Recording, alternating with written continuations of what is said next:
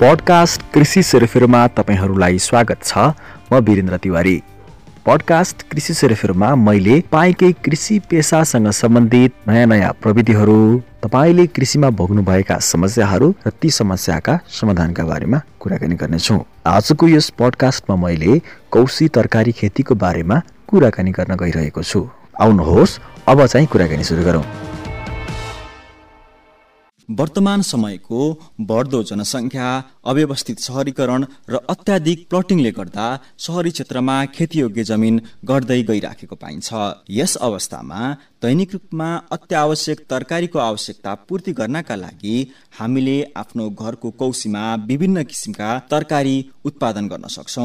Cauchy तरकारी खेती करेसाबारीको अभाव भएको ठाउँहरूमा हामीलाई बिहान बेलुका चाहिने विभिन्न तरकारी उत्पादन गर्नका लागि अत्यन्तै सफल रहेको पाइन्छ।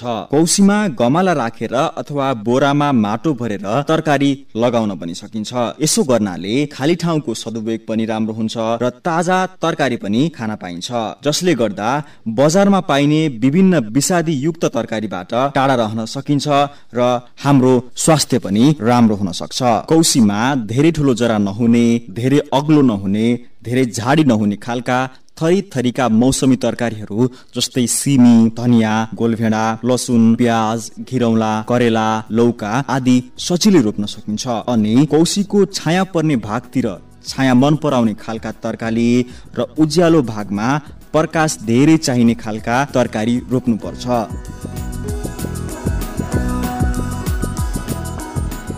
अब भने कुराकानी गरौँ कौशी खेतीमा कस्तो खालको माटो प्रयोग गर्न सकिन्छ त? कुनै पनि बिरुवाका लागि हुर्कन माटो भन्दा पनि सो माटोमा पाइने पोषक तत्व खनिजको बढी महत्व हुन्छ। यसले माटोमा जैविक गतिविधिहरू प्राकृतिक रूपमै बढाउन सके धेरै राम्रो हुन्छ।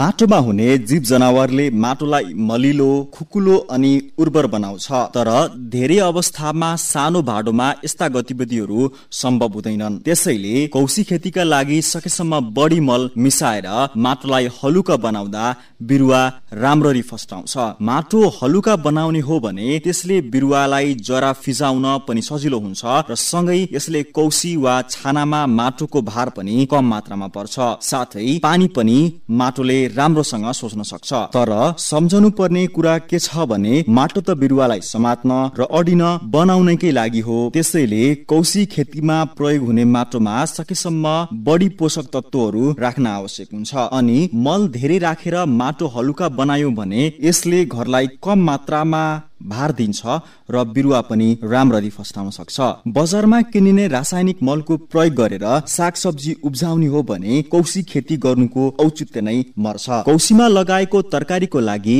मल पनि घरमै तयारी गर्न सकिन्छ।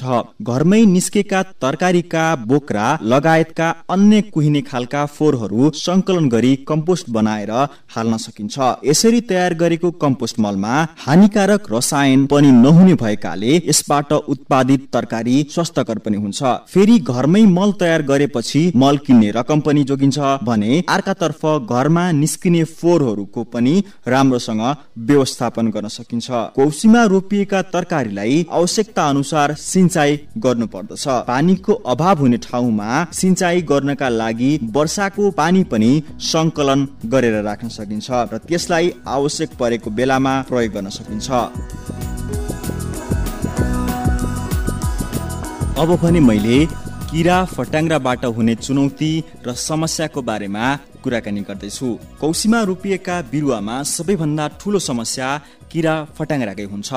तर यी किरा फट्याङ्ग्रालाई मार्न रसायन वा बजारी औषधि मिलाउने हो भने त बाहिर किनेर ल्याउने र घरमै उमार्ने तरकारीमा के नै फरक हुन्छ र त्यसैले घरमा उमार्ने तरकारी सकेसम्म जैविक तरिकाले कुनै रसायन नमिसाइकन गरिन्छ। यसका लागि घरमै जैविक विषादी बनाउन पनि सकिन्छ जसले जैविक मलको काम समेत गर्छ। बिर्सन नहुने कुरा के हो भने हाम्रो कौशी खेतीमा लाग्ने किरा फट्याङ्ग्रालाई मार्ने भन्दा पनि उनीहरूलाई धपाउने हाम्रो उद्देश्य हो।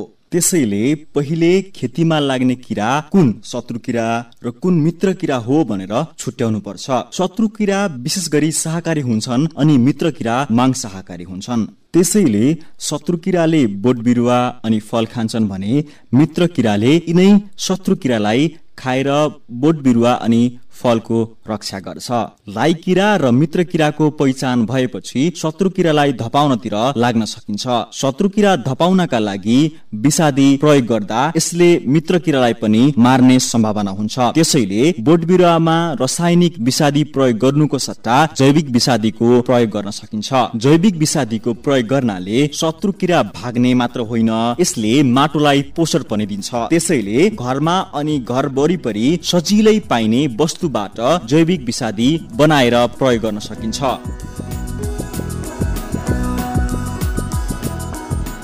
अब भने म जैविक विषादी कसरी बनाउन सकिन्छ भनेर म तपाईँलाई जानकारी दिँदैछु। मानिसको पिसाबमा अरू स्थानीय वनस्पति वा जडीबुटी प्रयोग गरेर जैविक विषादी बनाउन सकिन्छ।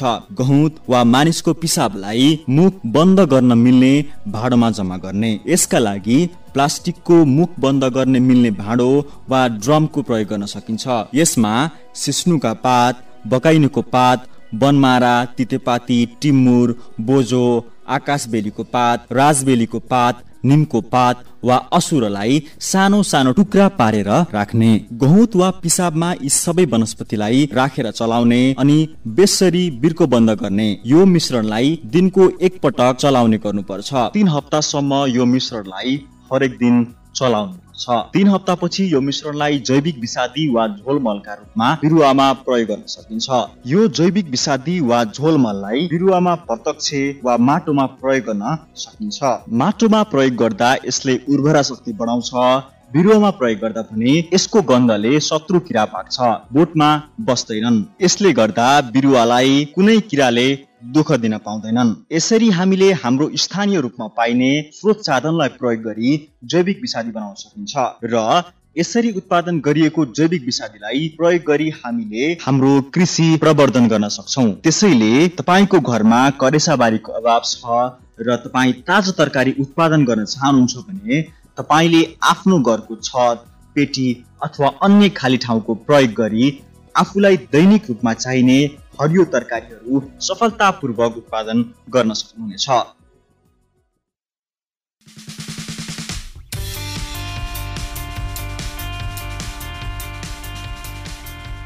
कृषि सेरेफेरोको आजको समय सकिसकेको छ।